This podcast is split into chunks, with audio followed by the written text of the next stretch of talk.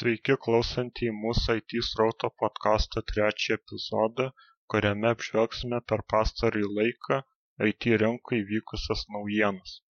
Šiame epizode pakalbėsime apie naujas iPhone 12, taip pat Xiaomi Mi 10T ir Samsung F41 serijos telefonas, pristatytas AMD Ryzen procesorius ir Microsoft Surface įrenginis. Taip pat kalbėsime apie Google ir Razer renginius, apžvelgsime OnePlus 8T išleidimą. Ir pabaigoje išgirsite keletą mūsų atrinktų įdomybių, bei apžvelgsime įdomiausius greitų metu įvyksinčius renginius. Na ir dabar perkime prie naujienų. Apple neseniai įvykusio High-Speed virtualaus renginio metu buvo pristatyti keturi nauji iPhone 12 serijos telefonai, kurie turi visiškai naują dizainą, primenantį iPhone 4 ir iPhone 5 modelius. Visi palaiko 5G tinklus. Taip pat pristatytas HomePod mini išmanasis garsiakalbis bei atskleista keletas kitų įdomybių na o dabar apžvelkime juos plačiau. iphone dvylika mini bus penkių kablelis keturių colių įstrižainės pats mažiausias telefonas. iphone dvylika ir iphone dvylika pro bus šešių kablelis vieno colio įstrižainės o iphone dvylika pro max bus pats didžiausias šešių kablelis septynių colių įstrižainės ir visi jie turi oled ekranus įrenginiai papildomai saugomi po ekranu esančio keraminio skydo kuris kaip teigiama paverčia telefoną keturis kartus atsparesniu. Jeigu iškris iš kišenės mažesnė tikimybė kad suduš. Naujuosiuose flagmanuose bus integruotas 5 nanometrų A14 Bionic lustas turintis 11,8 milijardo tranzistorių ir galintis atlikti vienuolika trilijonų operacijų per sekundę. Telefonuose integruoti šešių branduolių procesoriai ir keturių branduolių grafikos procesoriai. Buvo pabrėžiama, kad grafika bus 50 procentų greitesnė, o 16 branduolių neuroninių tinklų procesorius neva tinkamiausias mašininiam mokymuisi bei žaidimams apple pasigyrė kad naujieji flagmanai bus patys greičiausi rinkoje. iphone dvylika ir iphone dvylika mini bus galima pasirinkti šešiasdešimt keturių gigabaitų vidinės atminties bei keturių gigabaitų operatyvios atminties taip pat šimto dvidešimt aštuonių gigabaitų vidinės bei keturių gigabaitų operatyviosios atminties ir dviejų šimtų penkiasdešimt šešių gigabaitų vidinės bei keturių gigabaitų operatyviosios atminties variantų. O iphone dvylika pro ir pro max bus galima pasirinkti iš šimto dvidešimt aštuonių gigabaitų vidinės bei šešių gigabaitų operatyviosios atminties taip pat dviejų šimtų penkiasdešimt šešių gigabaitų vidinės bei šešių gigabaitų operatyvios atminties ir penkių šimtų dvylikos gigabaitų vidinės bei šešių gigabaitų operatyviosios atminties. Pro versijos telefonai turės tris kameras - 12 megapikselių plataus kampo taip pat dvylikos megapikselių ypač plataus kampo ir dvylikos megapikselių telefoto kameras. Pro modelis gebės vaizdą priartinti du kartus o pro max modelis du su puse karto taip pat priekinės dvylikos megapikselių plataus kampo kameros be to giriamasi kad šiuose modeliuose bus gerokai patobulinta naktinė fotografija teigiama kad abu pro telefonai gebės šešis kartus greičiau fokusuoti vaizdą o prastame apšvietime fotografavimo kokybė pagerės net 87 procentais.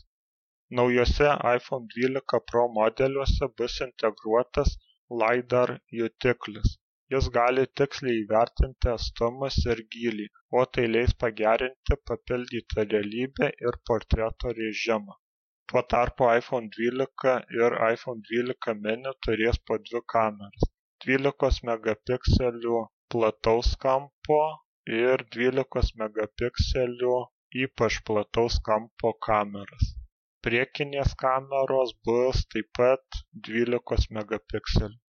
Teigiama, kad naujieji modeliai 27 procentais geriau fotografuos silpnai apšviestoje aplinkoje. Vėliau šiais metais taip pat bus pristatyta Apple Pro RAW sistema, naujovė, kuri turėtų padėti geriau apdoroti nuotraukas. Visi telefonai gebės filmuoti 4K raiška taip pat palaiko 20 W greitį įkrovimą teigiama kad 50 procentų telefono baterijos įkraunama per 30 minučių ir 15 W greitą belaidį įkrovimą. Jie veiks su naujausia iOS 14 operacinė sistema. iPhone 12 ir iPhone 12 mini bus galima rinktis iš penkių spalvų – juodos, baltos, raudonos, žalios ir mėlynos tuo tarpu pro modeliai bus keturių spalvų – mėlynos, auksinės, juodos ir sidabrinės. Kaip matome, visi telefonai yra gana panašūs savo specifikacijom. Na, o dabar apie kainas ir prieinamumą. iPhone 12 ir iPhone 12 Pro iš anksto užsisakyti galima jau dabar prieš išleidžiant spalio 23 dieną. iPhone 12 kainuos nuo aštuoni šimtų dvidešimt devynių dolerių o pro nuo devynių šimtų devyniasdešimt devynių dolerių tuo tarpu iphone dvylika mini ir iphone dvylika pro max iš anksto bus galima užsisakyti nuo lapkričio šeštos dienos o jie bus išleisti lapkričio tryliktą dieną iphone dvylika mini kaina prasidės nuo septynių šimtų dvidešimt devynių dolerių o max nuo tūkstančio devyniasdešimt devynių dolerių. Na ir dar keletas įdomių dalykų, kuriuos matėme renginyje. Apple taip pat gražino MagSafe įkrovimą. Naujasis MagSafe prekės ženklas yra susijęs su mobiliaisiais telefonais ir jis bus aprūpintas visiškai nauja į išmaniuos telefonus orientuotų priedų rinkiniu. Tarp jų yra magnetinė piniginė, jungiama prie naujų iphone naujas odinis dėklas perjungiantis telefoną į naują iOS laikrodžio režimą rodant tik laiką. Ir kombinuotas sulankstomas iphone ir apple watch įkroviklis. Šiuo atveju iphone skirta magsafe palengvins belaidį iphone įkrovimą tai palaikantiems telefonams. Yra dvi skirtingos parinktys MagSafe įkroviklis skirtas įkrauti vieną įrenginį vienu metu ir MagSafe Charge 2 dvejiems įkrovimams vienu metu, įskaitant Apple Watch įkrovimo vietą. Visi priedai prie telefono nugarėlės prijungiami magneto pagalba. iPhone 12 telefonų dėkluose taip pat yra integruotas magnetas, todėl ir neišėmus iš dėklo galima naudoti MagSafe įkroviklis. Taip pat buvo pristatytas ir naujasis HomePod mini. Jis yra mažesnės didesnės HomePod versijos suapvalintos formos modelis.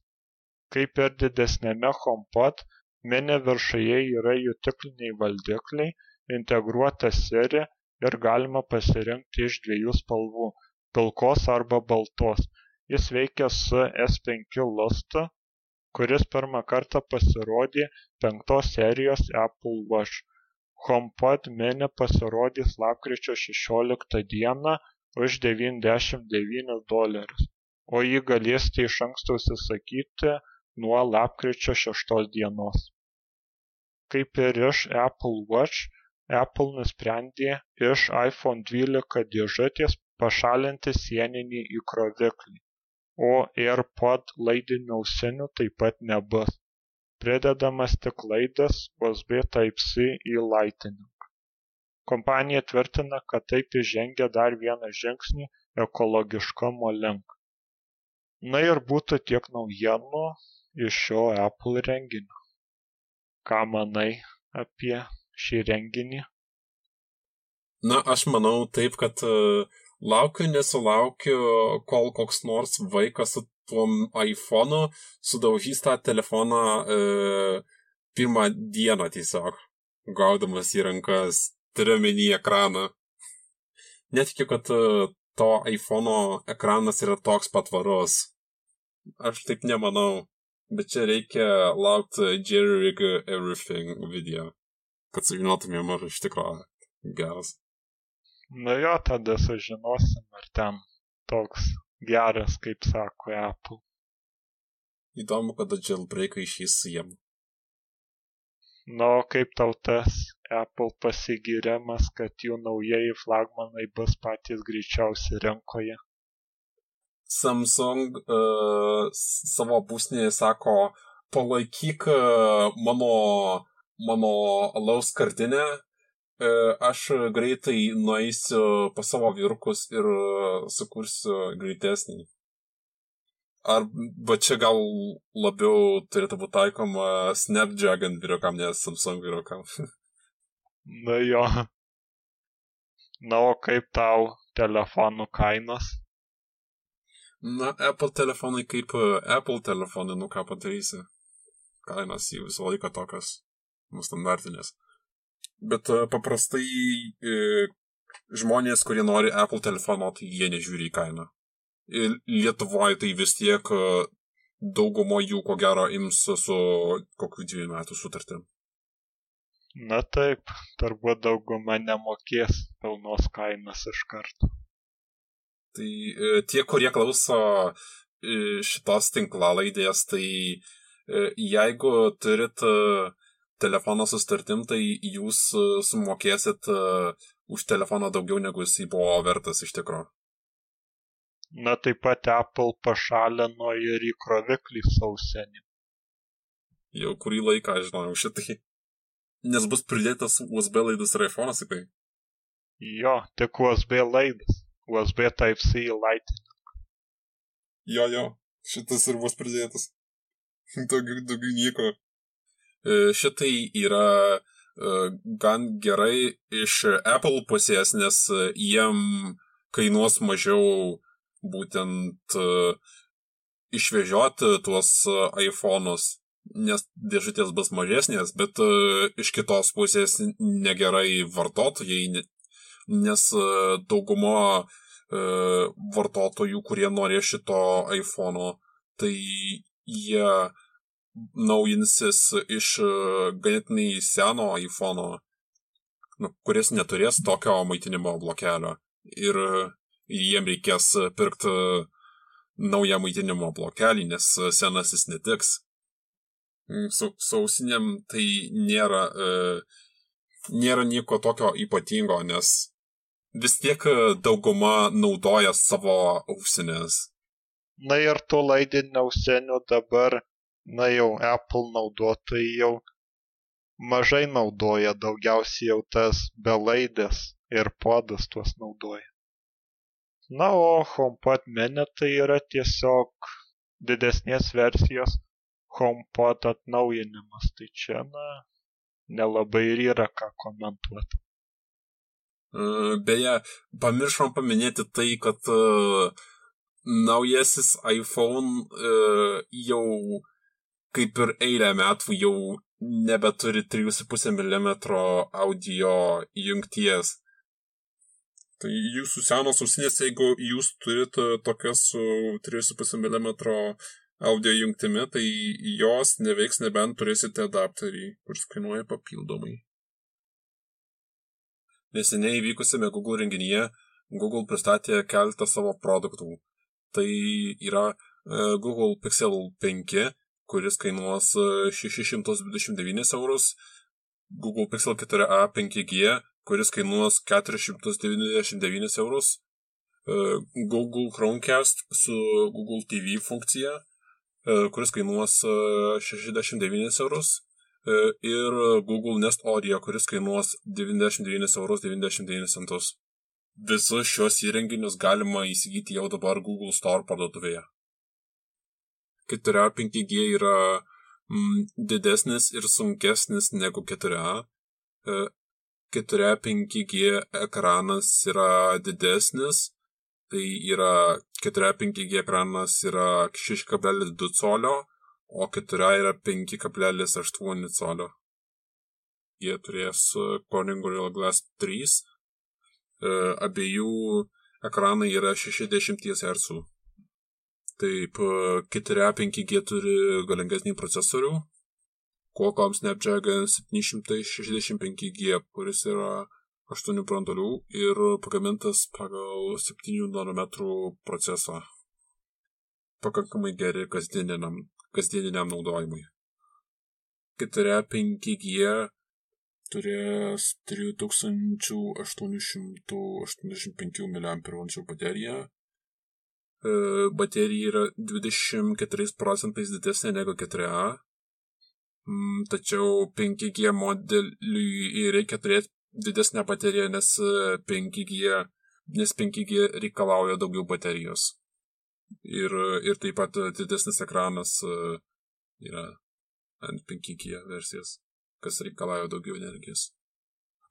4A abu du modeliai nėra atsparus vandeniui, neturi belaidžio įkrovimo, turės 6 GB darbinės atminties, 128 GB vidinės atminties. E, Pixel 4 5G bus e, tik tai vienos, tai yra Just Black spalvos, kas yra juoda. Pixel 5 turės e, atsparumą vandeniui, kaip ir 4A 5G versija, jis taip pat turės 5G ir belaidį e, baterijos įkrovimą. Pixel 5 turės e, didesnę bateriją negu 4A, tai yra 4080 mAh baterija E, turės 8 GB e, darbinės atminties ir 128 GB e, vidinės atminties. Ekranas bus truputį mažesnis negu Pixel 4 5G, tai yra 6 coliai Full HD OLED ekranas. Ekranas turės Gorilla Glass 6 stiklą. Ir taip pat e, galinė kamera bus e, ta pati kaip ir kita. Tai yra 12 megapikselių e, paprasta kamera ir 16 megapikselių ypač plataus kampo objektyvą. Pixel 5 priekinė kamera bus 8 megapikselių ir sugebės įrašinėti Full HD video. Pixel 4 5G turės irgi 8 megapikselių priekinę kamerą ir turės Qualcomm Snapdragon 765G, tai bus 7 nanometrų procesorius, kuris bus 8 e, branduolių. E, spalvos e, bus Just Black ir Sorto Sage. Abu šie telefonai turės pirštų spaudų skaitytuvą, kuris bus telefono gale. Na, bet šiaip naujieji tie telefonai, tai, na, aišku, tik Pixel 5 šiek tiek brangesnis yra, o bent jau kiek domėjausi, tai Pixel 4a tai buvo labai populiarus, nes net trūko jų. Na, o Pixel 5 tai jau šiek tiek brangesnis. Na, taip, kaip tokiam įrenginiai, tai taip. Bet, na, gal, gal, gal kam patinka Google prekės ženklas, tai tiem gal ir renksis. Tik aišku, procesorius dabar jau ne aukščiausios klasės. Yra daugiau priežasčių, kodėl e, kas nors norėtų įsigyti Google įrenginį. Tai jo, tai yra ten. Ir dėl kameros, pavyzdžiui kameros geros yra. Kameros tai tikrai geros. Na, o Chromecastas Google TV tai, nu, šiaip tas pats Chromecastas, tik kad turi Google TV funkciją, tai jeigu, pavyzdžiui, pas kažką yra senas televizorius, tai filmam žiūrėti visai geras dalykas. Na taip, ką turėčiau paminėti, tai kad Google e, TV tai yra ne tas pats, e, kuris e, buvo kadaise. Tai yra pervadintas Google Play Movies.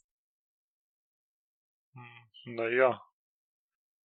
Ir jisai nėra tas pats, kas Android televizorius, kaip pavyzdžiui yra, kad Xiaomi Mi TV Box, tai ten tavo televizorių padaro beveik kaip į Android. Tu gali visas programėlės įsidėkti.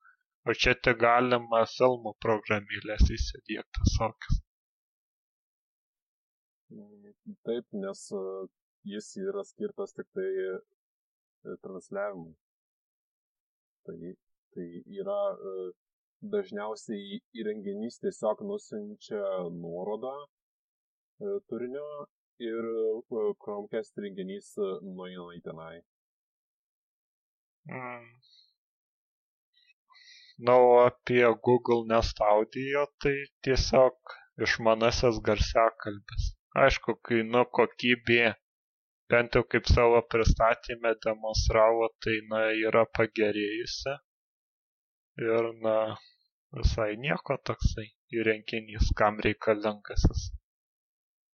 Bet negeresnė už Google Home Max, ko gero. Nu jo, čia gal toks vidutinis variantas tarp mini ir max.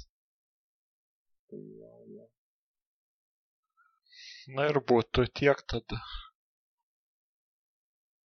Taip, sekanti naujiena, Microsoft pristatė Surface Laptop Go ir atnaujintą Surface Pro X, toliau plėtodama Microsoft Surface asortimentą. Naujasis Surface Laptop Go turi 12,4 colių jutiklinį ekraną, dešimtosios kartos Intel procesorių, pradedant 4 GB operatyviosios ir 64 GB eMMC vidinės atminties parinktim.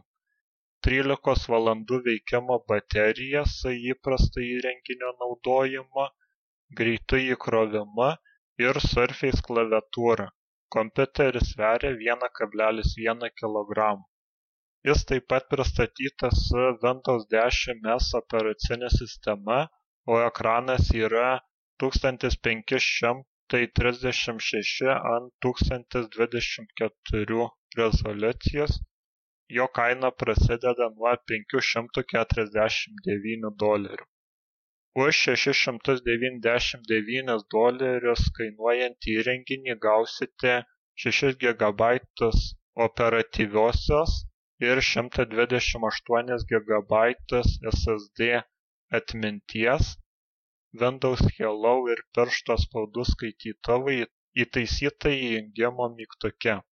Galingiausio varianto kaina padidėjo iki 1120 dolerių už 16 GB operatyviosios ir du šimtus penkiasdešimt šešis gigabaitus ssd atminties tačiau jis skirtas tik verslo klientams. Patobulintame surface pro x dabar yra microsoft sq2 procesorius ir jo kaina prasideda nuo 1499,99 dolerių su 16 GB operatyviosios ir du šimtai penkiasdešimt šešiais gigabaitais ssd atminties. Jį galima jau įsigyti šiaurės amerikoje australijoje indijoje ir japonijoje. O kitur pasirodys nuo spalio dvidešimt septintos dienos. Pranešama kad šis procesorius yra qualcomm snapdragon aštuoni cx antros kartos 5G tik be 5G Šis antros kartos procesorius turi Snapdragon X24 LTE modemą, geresnį dirbtinį intelektą ir naujesnį Wi-Fi, nors vis dar ne Wi-Fi 6, ir Bluetooth kartu su geresniu vaizdo apdorojimu skirtu kameroms. tačiau jame veikiantis ARM pagrįstas procesorius sukels programų suderinamumo problemas. Microsoft anksčiau šią savaitę pranešė, kad plečia savo emuliatorių palaikymą įtraukdama 64 bitų programas. Taip pat paskelbė, kad Edge ir Teams dabar yra optimizuoti Windows sistemai naudojant ARM. Microsoft sako, kad šio Surface Pro X baterija gali veikti penkiolika valandų taip pat yra nauji pasirenkami klaviatūrų variantai ir spalvos. Beje jei norėsite įsigyti kartu su klaviatūra tai jums papildomai kainuos dar šimtą keturis dolerius. Žinai kaip jie padarė tą uh, Teams suderinamumą su ARM procesoriais? Na nežinau. Tai jie e, ko gero tiesiog palaukė, kol e, Electron e, bus suderinamas su ARM procesoriais, nes aš žiūrėjau Microsoft Teams, tai buvo labai panaši į Electron aplikaciją. Tie, kurie nežino, tai Electron aplikacijos tai yra internetinės svetainės su Google Chrome naršyklė. Jo. Na, o šiaip įrenginių kainas tai ganėtinai didelis, ypač to Surface Projects, tai nuo beveik nuo 1500 dolerių ir dar klaviatūrų 104 doleriai. Tai čia, na, nežinau, kas galės juos pirkti, nebent verslo kokį aš tai nesu nei kiek nustebęs. Microsoft paprastai negamina pigių produktų. Na jo. Na dar to nešiojamo kompiuterio kaina tai dar tokia gan normali. 509 doleriai. Na šiaip abu kompiuteriai yra gana lengvi, tai yra patogu bet kur nešiotis juos nes Surface tai ypač ten kaip, kaip planšetė pridedi klaviatūrą dar ir kompas gaunas. Na tai galim pereiti prie kitos tada naujienos. Visai neseniai vyko RazerCon e, renginys, kuriame Razer pristatė keletą naujų savo produktų. Tai yra Razer Escore žaidimų kėdė, kuri kainuos 499 dolerius, arba kaip mūsų lietuviausiam tai vadinasi Razer Ishcore. Kitas produktas yra Razer Tomahawk uh, korpusas, Razer Blade Stealth 13 kompiuteris, kuris kainuos nuo 1700 dolerių. Razer Siren Mini mikrofonas, kuris kainuos 50 dolerių. Razer Kraken Bluetooth Kit Edition ausinės, kurios kainuos 150 dolerių. Ir taip pat Razer į, į savo Razer Connect programą priėmė keletą naujų gamintojų. Tai yra Western Digital, Seagate Gaming, Ulight ir Twinkly naujasis Razer Blade Stealth 13 turės 11 kartos Core i7 procesorių, naują Full HD OLED lytimų jautrų ekraną su THX garsu. Šio Intel procesoriaus greitis bus iki 4,7 GHz, tai čia 4,7 bus turbo kompiuteris turės NVIDIA GeForce GTX 1650 Ti. Ekraną bus galima pasirinkti Full HD OLED Touch ir Full HD OLED litimų jautrų ekraną arba Full HD 120 Hz ekraną. Šiuos įrenginius galima įsigyti jau dabar Razer internetinėje svetainėje. Ką tu manai? Na tai žinom kad razer įrenginiai yra na geros kokybės ir pelės ir ausinės. Na tiktai galbūt ne visiem yra įperkamos nes jų kaina dažniausiai būna didesnė negu kitų gamintojų. Na ta kėdė tai atrodo įdomiai tokia tik aišku nu ir kaina tai jos gan didelė o šiaip kiti produktai tai na na pažiūrėsim kokios bus jų apžvalgos. Na, man irgi įdomu. na tai būtų tiek ko gero. Galim pereit prie kitos naujienos. Taip tai AMD pristatė savo naujas Ryzen 5000 serijos procesorius skirtus staliniams kompiuteriams kurie taip pat yra pirmieji įmonės lustai turintys savo naujos kartos Zen 3 architektūrą. AMD kelia didelius lūkesčius žadėdami, kad naujasis Ryzen 5900X yra ne kas kita kaip geriausias pasaulyje žaidimų procesorius. Jie taip pat pateikė ir testų, kurie rodo, kad Zen 3 architektūra daug geriau tinka žaidimams nei Zen 2 ar Zen sako kad paprasčiausiai pakeitus zen du procesorių zen trys modelį. Vartotojai žaidimuose vidutiniškai gaus dvidešimt šešis procentus daugiau našumo nauji procesoriai bus suderinami su esamomis pagrindinėmis plokštėmis po programinės įrangos atnaujinimo. Tuo pačiu išlaikant TDP ir branduolių skaičių tą patį daugumos penki šimtosios serijos plokščių atnaujinimas bus paruoštas iki pardavimo o keturi šimtosios serijos naujos bėjos reikėtų tikėtis nuo 2021 metų sausio mėnesį. Kaip ir praėjusiu metu Zen 2 pagrindu pagaminti Ryzen 3000, naujieji 5000 serijos procesoriai vis dar naudoja AMD 7 nanometrų procesą tačiau siūlo devyniolika procentų didesnį našumą esant tam pačiam procesoriaus veikimo dažniui taip pat visiškai pertvarkytą procesoriaus išdėstymą ir aukštesnį maksimalų dažnių padidinimą. Bet bene įdomiausia šio renginio dalis buvo AMD atliktas Ryzen 9 5900X ir Intel Core i9 10900K veikiant Cinebench R20 palyginimus.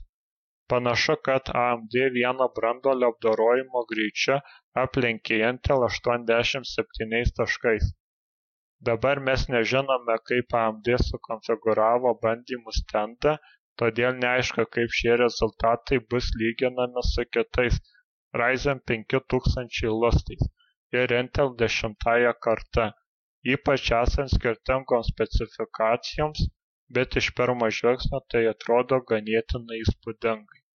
Manoma kad core i9 10900k pasieks 5,3 GHz dažnį, o tai vis tiek turėtų paversti jį spartesniu procesoriumi esant vienos gijos apkrovoms, nes jo dažnis yra didesnis nei Ryzen devyni penki tūkstančiai devyni šimtai x tačiau yra keletas scenarijų kai amd lustai gali būti greitesni ką testuose pateikė ir amd kad tiek senesnis r9 3900x tiek naujausias ryzen 5950x lenkia i9 10900k net ir žaidimuose aišku šiais testais nereikėtų labai pasitikėti. Tikrąjį pajėgumą sužinosime tik iš nepriklausomų apžvalgų amd iš viso pristatė keturis naujus zen 3 procesorius. Aukščiausio lygio ryzen 9 5950x modelis su 16 branduoliu 32 gijom ir maksimaliu 4,9 GHz dažnio padidinimo greičiu bus parduodamas už septynis šimtus devyniasdešimt devynis dolerius penkis šimtus keturiasdešimt devynis dolerius kainuojantis Ryzen 9 5900X su 12 branduolių 32 gijom ir maksimaliu 4,8 GHz dažnio padidinimo greičiu Ryzen 7 5800X, kurio kaina 449 doleriai su 8 branduoliais 16 GB ir maksimaliu 4,7 GHz dažnio padidinimo greičiu. Ir 229 dolerius kainuojantis Ryzen 5 5600X su 6 branduoliais 12 G ir maksimalia 4,6 GHz dažnio padidinimo greičiu na kas nelabai džiugina tai kad kiekvieno iš šių naujų procesorių kaina padidėjo penkiasdešimčia dolerių palyginti su pradinėmis zen du procesorių kainomis nuo du devynioliktų metų. Visus keturis naujus procesorius bus galima įsigyti jau nuo lapkričio penktos dienos. Kaip tau šie procesoriai?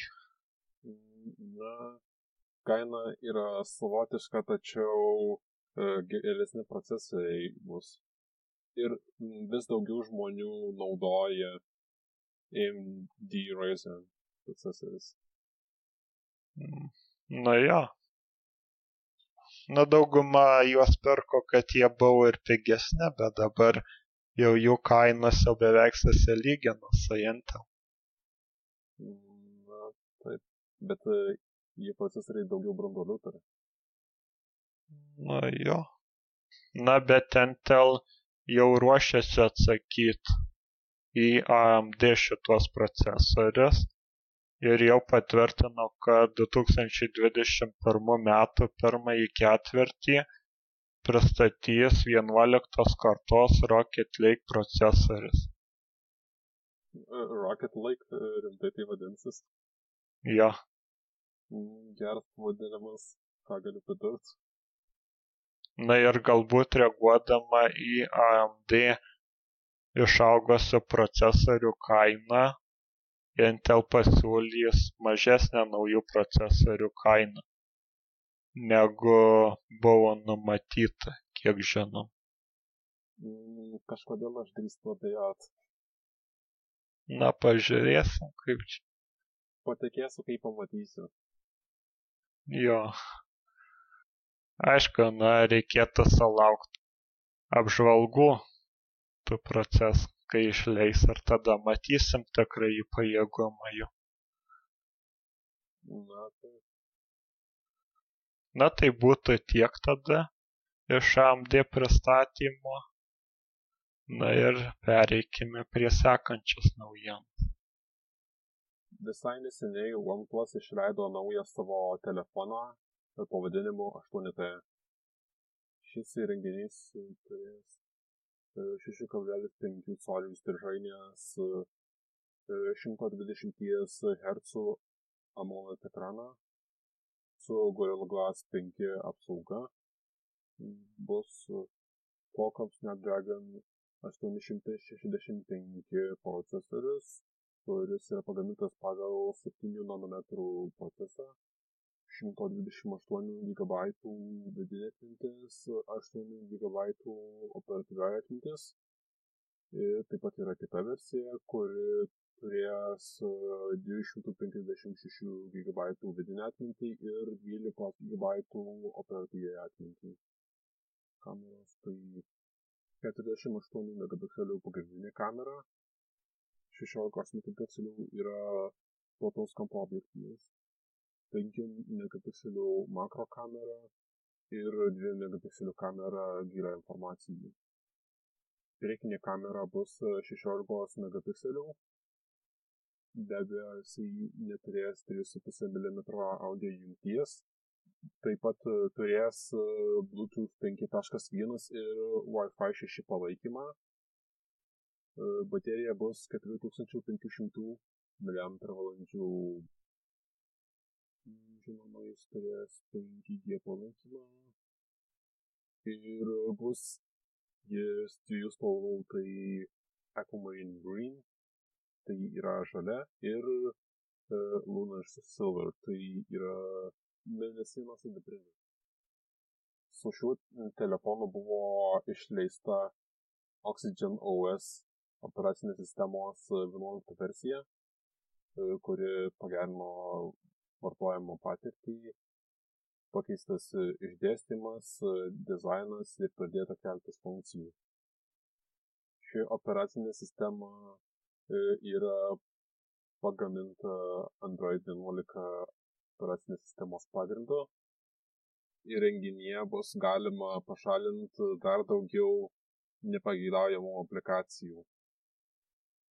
Šį įrenginį galima įsigyti iš anksto OnePlus svetainėje jau dabar ir kai kainuos 599 eurus už 128 GB versiją ir 699 eurus už 256 GB versiją.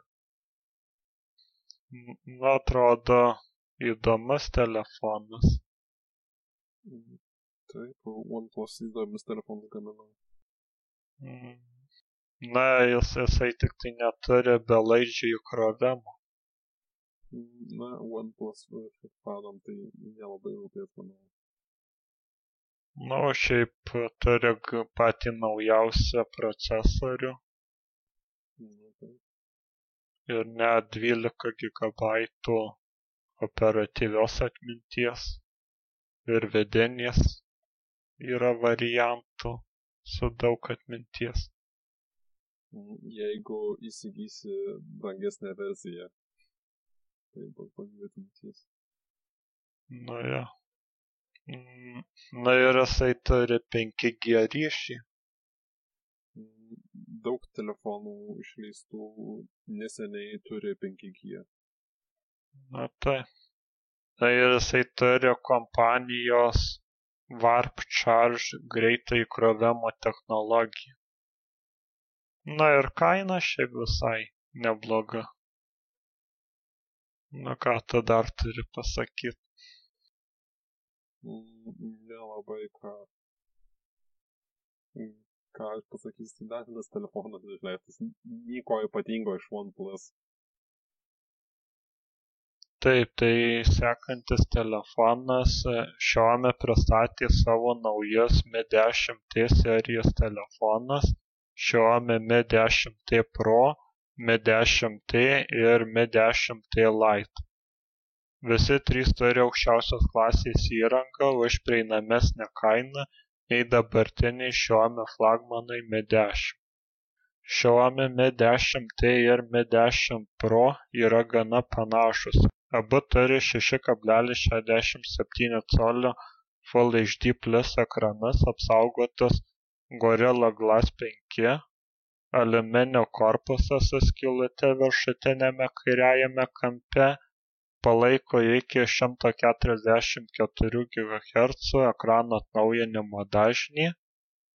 Veikia Qualcomm Snapdragon 865 procesorius Abu turi dvidešimties megapikselių priekines kameras, tik skiriasi galinės pagrindinės kameros. Mi 10T turi 108 megapikselių, o Pro modelis 64 megapikselių. Abu turi 13 megapikselių itin plataus kampo bei 5 megapikselių makro sensorius taip pat galima vienu metu filmuoti tiek priekinę tiek galinę kamerą įrašyti 8K vaizdo įrašus. Palaiko Wi-Fi 6 ir 5G, taip pat turi šoninį montuotą piršto atspaudų jutiklį ir atrakinimą veidų funkciją. Didelė 5000 mAh baterija. 33 W laidinį greitį įkrovimą su pridedama 33 W įkrovikliu ir naujausia MIUI 12 programinė įranga. Mi 10 tai galima rinktis iš 6 GB operatyviosios ir 128 GB vidinės atminties arba 8 GB operatyviosios ir 128 GB vidinės atminties, o Mi 10T Pro iš 8 GB operatyviosios ir 128 GB vidinės arba 256 GB vidinės atminties konfigūracijų. Abu telefonai siūlomi kosmoso juodos ir mėnesienos sidabrinės spalvos. Tik Pro modelis taip pat dar gavo Auroros mėlyną spalvą. Tuo tarpu pigesnis Mi 10T Lite variantas turi daugiau biudžetiniam telefonui būdingas aukščiausios klasės specifikacijas. Jis taip pat turi tą patį Full HD Plus ekraną apsaugotą Gorilla Glass 5, tačiau su 120 GHz atnaujinimo dažniu, plastikiniu korpusu, Qualcomm Snapdragon 750G procesorium keturių galinių kamerų šešiasdešimt keturių megapikselių pagrindiniu jutikliu aštuonių megapikselių ypač plačiu jutikliu dviejų megapikselių makro objektyvu ir dviejų megapikselių gylio jutikliu priekyje yra šešiolikos megapikselių kamera šis modelis nepalaiko Wi-Fi šeši ir turi šiek tiek mažesnę bateriją keturių tūkstančių aštuonių šimtų dvidešimties miliamperų nors jis taip pat palaiko 33 W laidinį greitį įkrovimą su pridedamu 33 W įkrovikliu. Jame yra ir 3,5 mm ausinių lizdas. Mi 10T Lite galima rinktis iš 6 GB operatyviosios ir šešiasdešimt keturių gigabaitų arba šimto dvidešimt aštuonių gigabaitų vidinės atminties bei atlanto mėlynos perlo pilkos ir rožinio aukso paplūdimio spalvos Xiaomi Mi 10T Pro kaina nuo 599 eurų už 128 GB atminties variantą ir šeši šimtai keturiasdešimt devyni eurai už dviejų šimtų penkiasdešimt šešių gigabaitų modelį. Tuo tarpu Mi 10T su šešiais gigabaitais operatyviosios ir 128 gigabaitais vidinės atminties kainuoja 449 eurus, o už 549 eurus 8 gigabaitų operatyviosios ir 128 GB vidinės atminties variantą. Mi 10T Lite yra pigiausias iš visų ir kainuoja 279 eurus su 6 GB operatyviosios ir 64 GB vidinės atminties ir 329 eurus už 6 GB operatyviosios ir 120 aštuoniais gigabaitais vidinės atminties modelį. Mi 10T ir Pro jau prieinami Europoje, Mi 10T Lite kol kas galima įsigyti tik tokiose rinkose kaip Jungtinė karalystė, Indija ir kitos. Perkantys dabar kai kuriuos modelius kartu gaus ir Xiaomi Mi Band 5 išmaniąją apyrankę dovanų. Na, kaip tau šis telefonas? Na, ką galiu pasakyti, laukia gana geri telefonai. Na jo, ir gan prieinamom kainom. Na, taip, turint omeny modernių telefonų kainas, modernių flagmanų. Jo na o šiaip kitos specifikacijos tai panašios kaip ir kitų telefonų. Kažko labai išskirtinio tai nėra. Aišku nu jeigu dabar kas norės pirkt tai gali paskubėt tai dar gaus ir išmanią Xiaomi apyrankę na ir taip pat Samsung pristatė savo pirmąjį F serijos telefoną Galaxy F41, kuris pirmiausia buvo pristatytas Indijos rinkai, vėliau bus prieinamas ir kitiems regionams. Taip tai svarbiausios funkcijos tai jis turi 6,4 colių Super AMOLED ekraną su Full HD plus raiška ir vandens lašo formos fotoaparato išpjova ekrano viršuje. Viduje yra Exynos 9611 8 branduolių procesorius su 6 GB operatyviosios atminties samsung pasiūlė šešiasdešimt keturių ir šimto dvidešimt aštuonių gigabaitų vidinės atminties konfigūracijas taip pat yra galimybė praplėsti iki penkių šimtų dvylikos gigabaitų papildomos vietos su microSD kortele. Šis telefonas turi didelę 6000 mAh bateriją, tačiau gali reikėti šiek tiek palaukti, kol įkrausite telefoną nes jis parduodamas tik su kukliu penkiolikos vatų usb type c maitinimo adapteriu. Gale rasime piršto atspaudų jutiklį ir atrakinimą pagal veidą. Bus iš anksto įdiegta android 10 ir samsung one ui 2.1 vartotojo sąsaja.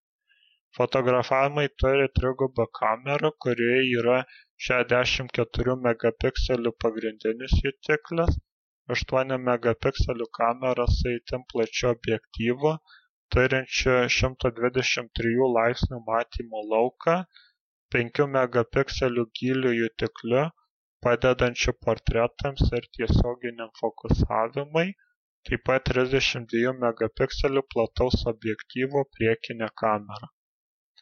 Telefonas pristatytas su Single Take funkcija leidžiančia tuo pačiu metu vienu palietimu nufotografuoti septynias nuotraukas ir tris vaizdo įrašus, kad galėtumėt pasirinkti geriausią kadrą. Taip pat galima filmuoti 4K raiška. F41 turi ir 3,5 mm auksinių lizdą. Indijos vartotojai jau gali jį įsigyti iš trijų spalvų Fusion juodos, Fusion mėlynos ir Fusion žalios.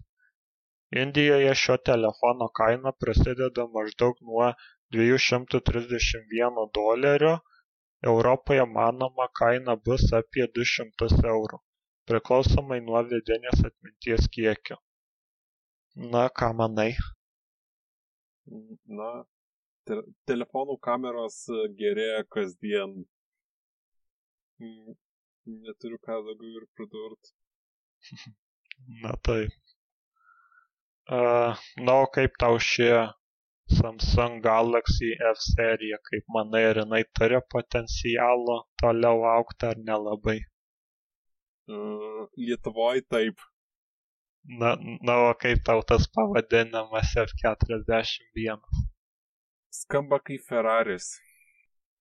Na, ja, įdomus na galima pasakyt kad kol kas tai atrodo kaip M serija tik su geresnėmis kameromis.